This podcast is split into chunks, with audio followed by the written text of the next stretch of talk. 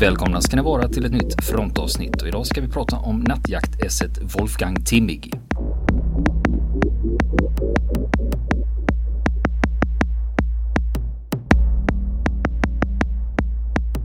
Ja, med mig sitter Max Timmig som är barnbarn till Wolfgang Timmig och för två år sedan så gav du ut boken Nattens jägare. Vad var det som fick dig att skriva boken? Ja, eh, det var en eh, vilja att eh, en nyfikenhet och vilja att få reda på vad min eh, farfar gjorde under andra världskriget. Något som för mig var ganska okänt.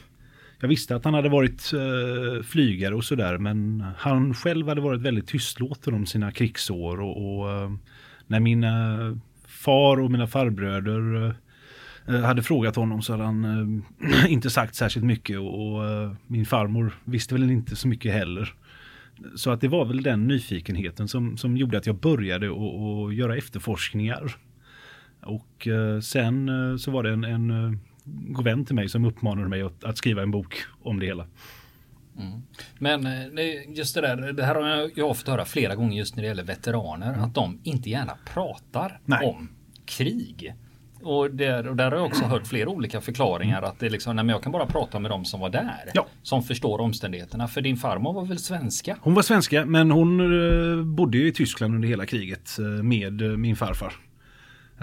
men men det, det, där har jag, har jag också hört och, och jag, jag tror nog att det att, att det är det här att man har gått igenom samma upplevelser som, som stärker banden inom en enhet eller i min farfars fall så hade de ju väldigt mycket utbyte med eh, brittiska bombpiloter eh, efter kriget. Alltså tyska veteraner träffade engelska veteraner. Eh, redan så tidigt som på, på 60 och 70-talet. En form av förbrödring då? Ja, precis. Ja, men eh, när, eh, när var det din farfar dog? Han dog 1976. Ja, men efter det, hur har det pratats i släkten om det här sen dess? För I och med att han var väldigt tillknäppt, har det, ja. risken är ju att det blir mytbildning även i den egna släkten. Absolut, absolut. Och eh, ja, eh, och, och eh, en hel del eh, som, som har talats i släkten har jag kunnat också avfärda som mer eller mindre myter. Ja. Har du något uh, exempel på någon sån här historia som har snurrat runt i släkten? Och så?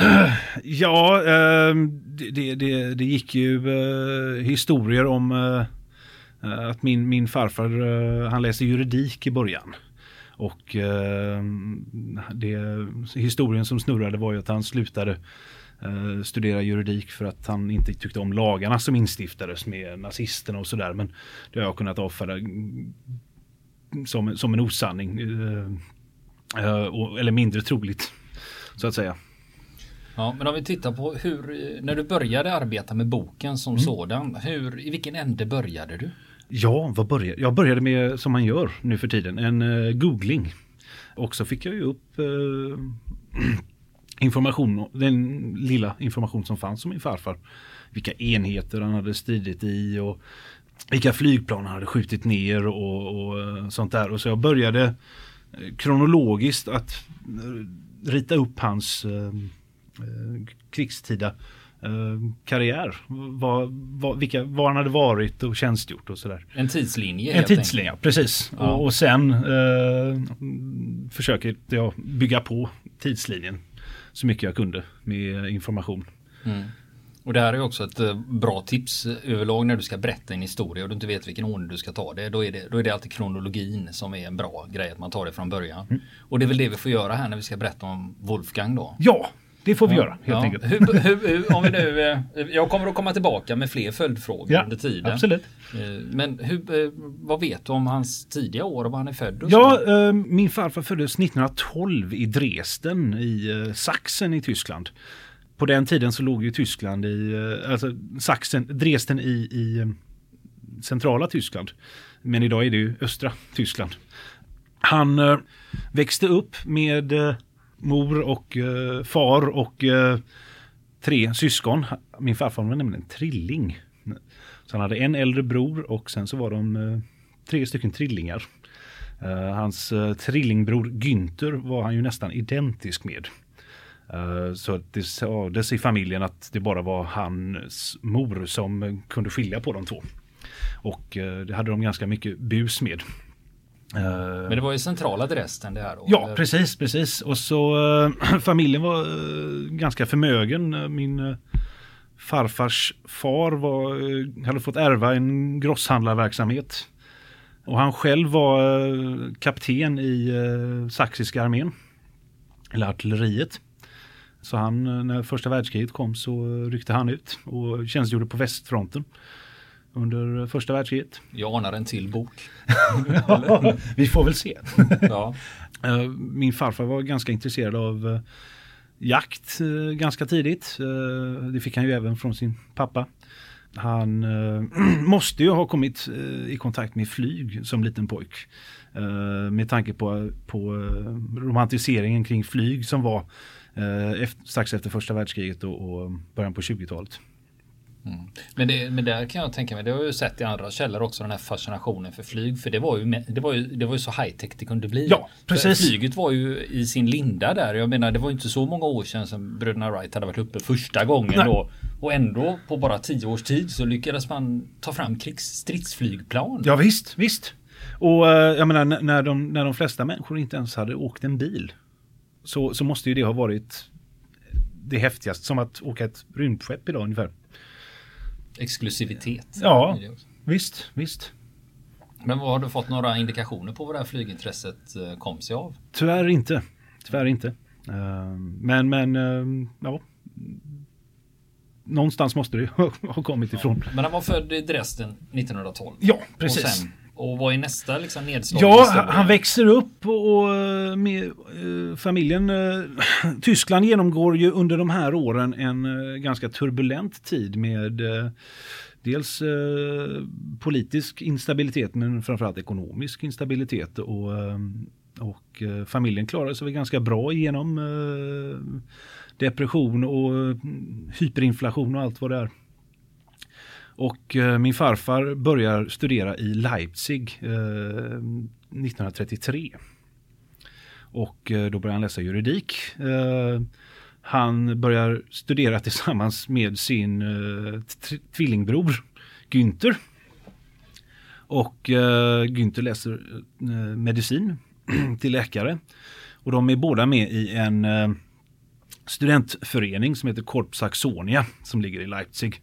Och det var en, en tysk studentförening som finns än idag.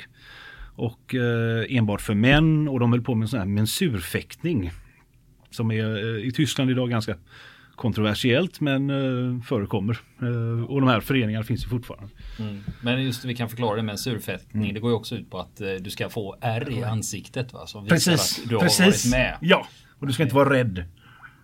Nej, det finns ju några egenskaper ja. som hyllades i de här föreningarna. Exakt, exakt. Det var ju det här med manlighet och ja. mod och Jajamän. framåtanda. Precis, som min farfar hade ett stort R som sträckte sig över vänstra sidan av huvudet. Så han kunde aldrig ha hatt rakt.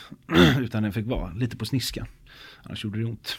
Mm. Men å andra sidan var man en gentleman från Dresden vid den här tidpunkten så var ju inte det något fel i det. Nej, precis. Studier 33. Studier, ja, precis.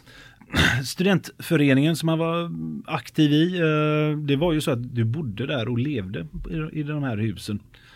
Det kom en tid, eh, 1935, när eh, de här studentföreningarna fick en de fick ett ultimatum av de nya nazistiska myndigheterna. Antingen så ansluter ni, ni er till vår tyska eller nazistiska studentkår eller så får ni lägga ner och då valde de här att lägga ner just i Leipzig. Men fanns det någon som helst politisk förankring i den här kåren? Nej, det var, inget, det var opolitisk. Den var opolitisk. De, de, det var kamratskap och, och eh, medmänsklighet som de förespråkade trots allt. Eh, men så den, var, den hade inga kopplingar till någon politik alls. Men uh, 1934 på sommaren så uh, ryckte min farfar in i, i militära som infanterist vid eh, jägarregementet i Dresden som officersaspirant. Var det frivilligt eller blev han inkallad? Detta uh, har jag inte kunnat fastslå om han blev uh, inkallad. Jag har läst i, uh, i en minnesförteckning om honom att han valde att följa familjetraditionen att uh, gå in i det militära för att det hade ju både hans uh, pappa och hans farfar hade ju varit officerare. men varför det, det, det vet jag fortfarande inte. Men han avbröt studierna? Han avbröt studierna, precis. Um, har du några spår efter honom som infanterist? Ja, det var väl i grund och botten så var det väl en, en uh, ungefär som vi gör, gör lumpen. Så att jag har ett uh, foto på honom. Från tiden som infanterist med eh, Wehrmachts eh, nya uniform. Och eh, det var ju faktiskt så att 1934 att, att det var ju en yrkesarmé fortfarande då. Uh, de löd ju fortfarande, eller följde ju fortfarande uh, Versaillesfördragets uh, begränsningar där. Att de fick ju bara ha en armé på 100, 100 000 man. Och, och eh, så att det var ju ganska elitistiskt och de här eh, officerarna som, eh, och, och underbefälen som tjänstgjorde där var ju alla ganska disciplinerade och stränga. 1935 så uh, utropar ju Göring det, det, nya tyska flygvapnet. Och uh, min farfar går uh, in i, det, i, flygvapnet ganska strax därefter. Och, och inleder sin utbildning till, till flygare. Och då kommer han dit som ung flygkadett? Då. Ja, precis som ung flygkadett. Och han hamnar 1936 så eh, ligger han på flygskolan i Schleisheim utanför München. Det är idag eh, känt fortfarande för där finns eh, Deutsches Museums flygavdelning som man kan åka och titta på om man vill. Och det är under tiden som flygkadett som han under en trevlig afton i München lär känna min farmor Ulla från Göteborg. Som eh, studerade i eh, München vid den här tiden. Hon läste till inredningsarkitekt. Hepp. Ja, Hepp. det fanns sådana på 30-talet. Ja, visst. Det, det, fanns det tydligen då. Ja. Och äh, ja, det sa väl klick eller vad gjorde det? Vad gör det i München? Klicken. Precis. Mm. Och de började träffas så att min, min farfar eh, kom redan eh, ganska tidigt. Eh, eh började han eh, besöka Sverige tillsammans med eh, min blivande farm, då, då blivande farmor. Och besökte även Göteborg vid ett flertal tillfällen och lärde sig några svenska ord och sådär. Sen äh, min farfar bör, fick äh, sedermera äh, utbildning på inte bara enmotoriga jaktflyg utan även flermotoriga. Så han äh, fick ett sånt här fullt äh, militärt flygcertifikat. Äh, de, de, hade olika i, i Luftwaffe. Ett för enmotoriga och ett för tyngre flermotoriga. Och min farfar var, skulle ju senare komma att bli, det går väl lite händelserna i förväg kanske. Men eh, han skulle senare komma att bli pilot på eh, Messerschmitt 110, ett tvåmotorigt jaktplan. Så då behövde han ju ta en eh, ja, eh, sånt tungt eh, flygcertifikat. Mm. Har du fått reda på något mer om hans utbildningstid nere i München? Ja, absolut. Det har jag. Han eh, var väl med om eh, lite skojiga fadäser med lite busflygning och sådär. Så han blev eh, bland annat eh, bestraffad med permissionsförbud någon, vid något tillfälle och lite sånt där. Där de hade brutit och, och, eh, mot någon order och, och skojflugit lite. Annars så, så, är det det mesta som jag har hittat från den här tiden. Det är, det är information om om eh, min, hur min farmor och, och, han lärde känna varandra och hur de eh, hittade på saker eh, tillsammans. Eh, det var ju ganska nära eh, från Schleichheim in till München så att eh, de här unga kadetterna på fritiden så tog de sig in till nöjeslivet. eller upp till, till bergen och, och klättrade eller åkte skidor och, eller seglade på de små alpsjöarna och sånt man gjorde. Mm. Mm. Och eh, hur länge är han på flygskolan? Det är han fram till eh, 1938. När han eh, blir eh, utsatt på sitt första förband då. Detta förband eh, var förlagd i eh, Ludvigslust och hette Lergerschwader 1. Och Lergerschwader det var ett förband med, med blandad, eh, alltså de hade blandad, eh, de, de var inte ett, ett, ett renodlat eh, jaktförband utan eh, de hade en eh, grupp med eh, bombare, eh, en annan med eh, spaning och eh, ett med, jak med, med jakt. Och, då, och det här jakt var ju då tung jakt och bestod främst av det här nya Messerschmitt 110-planet. Som, som precis hade kommit. Mm. Mm. Och då är det fortfarande fredstid när han blir placerad där, 38 då. Mm. Exakt, och eh, planet hade ju eh, en besättning om två man. Uh, min uh, farfar uh, får en radiooperatör till sig och den här radiooperatören heter Hans Stekemetz.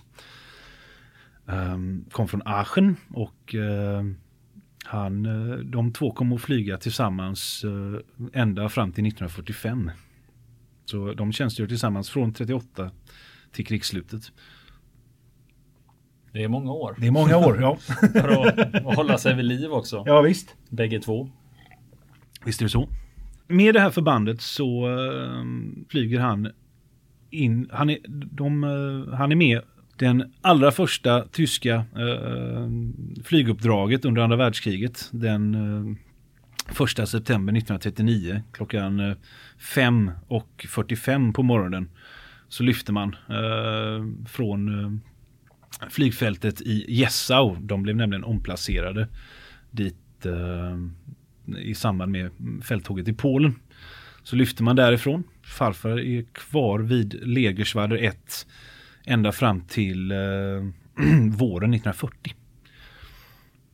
Mm, mm. Men då var det, det var under polska fälttåget. Ja, precis. precis. Och, eh, ja, precis. Uh, och det här förbandet, uh, deras uh, grupp med jaktflygplan klarade sig ganska bra.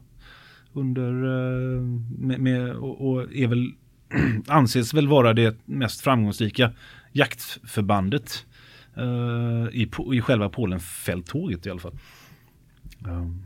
Mm. Och, där, mm. och sen efter Polen, då mm. är det ju våren 1940. Ja, precis min eh, farfar han blir utsedd till eh, eskaderadjutant under eh, sin eh, gamla chef från Lergeschwader, eh, Walter Grabman.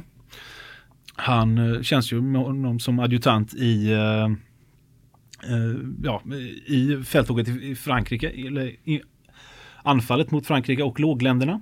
Och det är även då i, i maj 1940 som min farfar får sin allra första nedskjutning en Bristol Blenheim som han lyckas skjuta ner över England. Eller över Belgien. Kan du förklara vad det är för typ av flygplan, en Blenheim? Ja, en Blenheim är en tvåmotorig bombare som engelsmännen hade. Och i början här så, så flög ju de bombuppdrag utan, utan flygeskort och det, det, gick ju sådär. De hade väldigt höga förluster, engelsmännen Mm. Det kan ju säga Blenheim, det är inte ett av de eh, mest kända Nej, eh, precis. Plan, planer från RAF. Nej, exakt. Um, så är det ju. Har du fått eh, ta på några detaljer kring den här nedskjutningen i övrigt? Uh, ja, det har jag.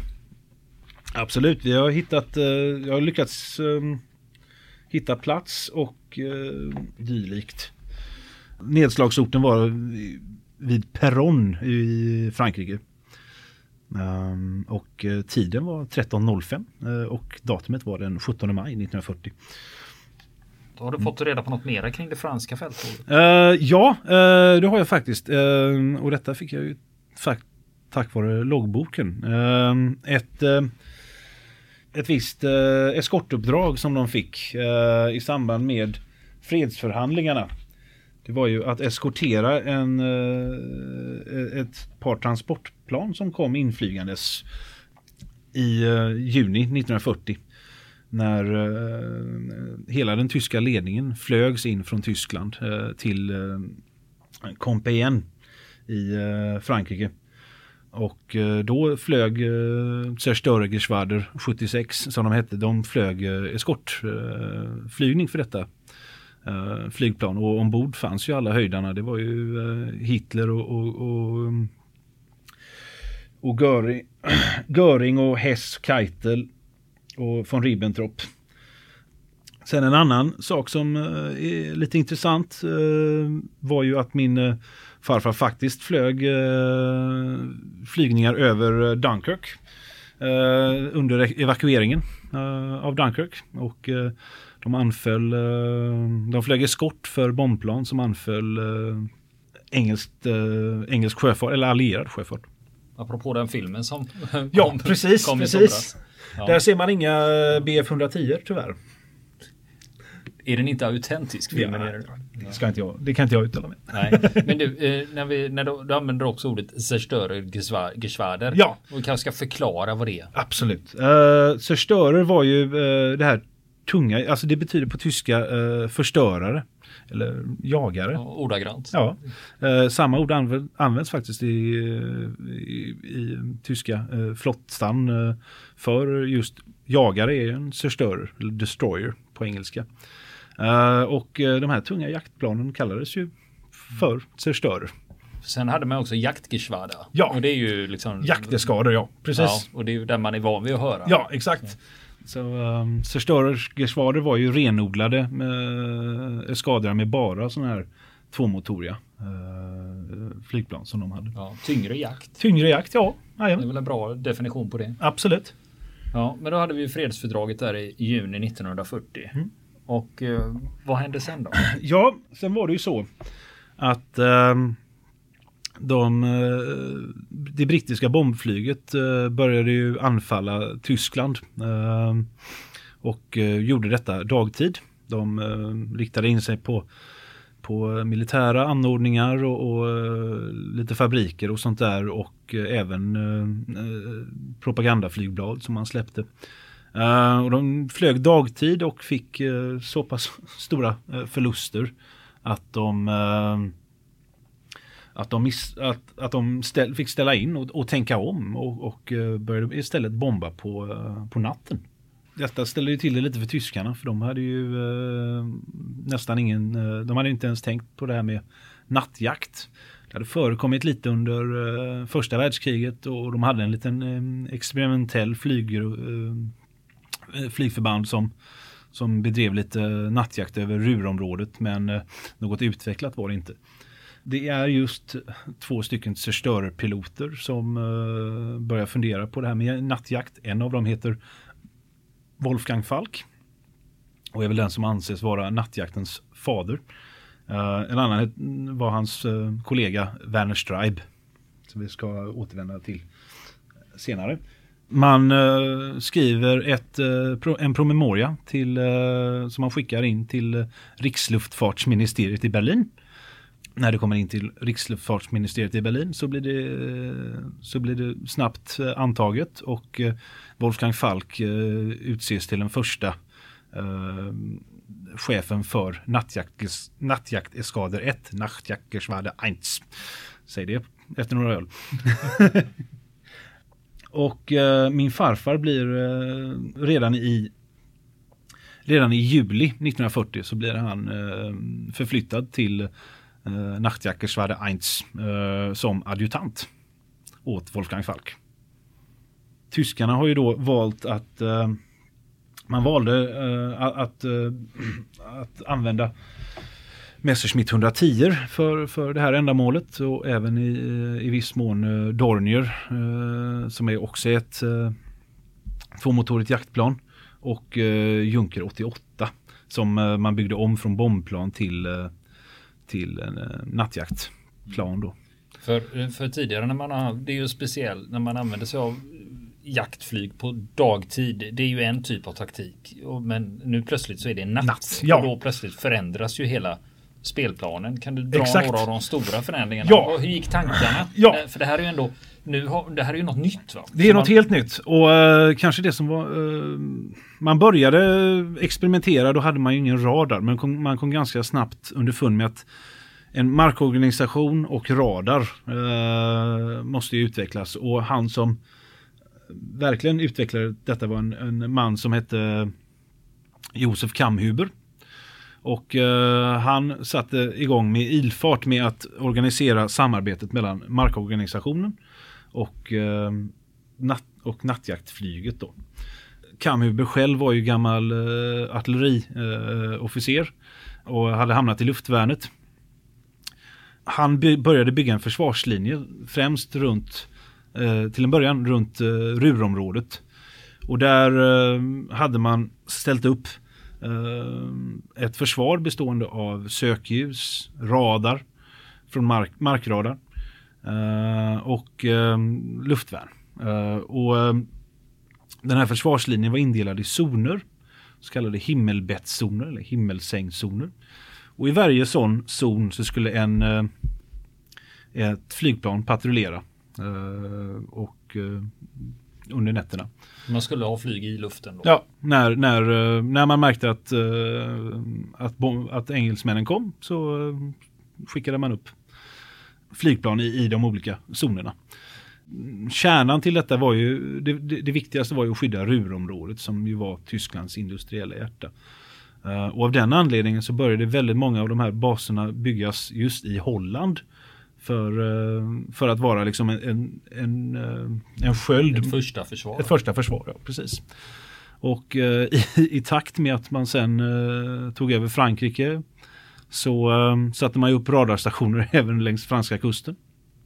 Och, så där. och då var det ju främst Freja och Würzburg-radar som man använde. Mm. Men rent tekniskt, hur, om man då, ja nu kommer britterna och ja. skickar upp ett flygplan, hur hur hittar jaktplanet de brittiska bombplanen? Ja, alltså till en början, man hade några olika tillväga, tillvägagångssätt. Eh, till en början så, så fick man leta efter dem. Eh, man flög runt och, det var ungefär som att hitta en nål i en höstack kan jag tänka mig. För, de, för man får inte glömma att bombplan är ju nedsläckta va? Precis. Det är inte det att de kör med blinkande ljus och Nej. ser dem på några kilometer Exakt, och skriker här är vi. Nej. Nej. Utan de, eh, så var det ju. Eh, men, men ganska snabbt så, så, eh, så upprättades sambandet mellan flygradarn på marken, alltså jaktledningen och piloten. Så att radiooperatören som man hade ombord tog, förde samtal med piloten som satt och flög och fick samtidigt instruktioner från, från jaktledningen på marken. Mm. Det får man inte glömma, även om det här är alltså, från våran horisont sett så var det fortfarande ganska, när du pratar om Freja och Würzburg, det är fortfarande ja. ganska primitiv ja, precis, radar. Precis. Men, eh, men kan du bara ange riktning, avstånd och höjd? Ja. Liksom de tre grunderna så eh, är du ju ganska hemma. Jajamän, jajamän. Och eh, sen så hade de ju eh, ett annat tillvägagångssätt som eh, var ju eh, sök, jakt med sökljus. Så att en del sökljus var ju också radarledda. Och, och eh, hade du ett, ett, plan fast i ett sökljus så var det bara för eh, luftvärnet och skjuta ner det.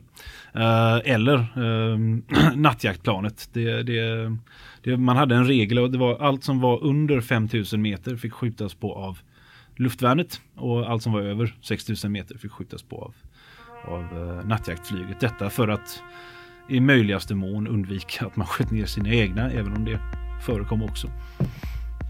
Och nästa vecka fortsätter vi historien om Wolfgang Timmig.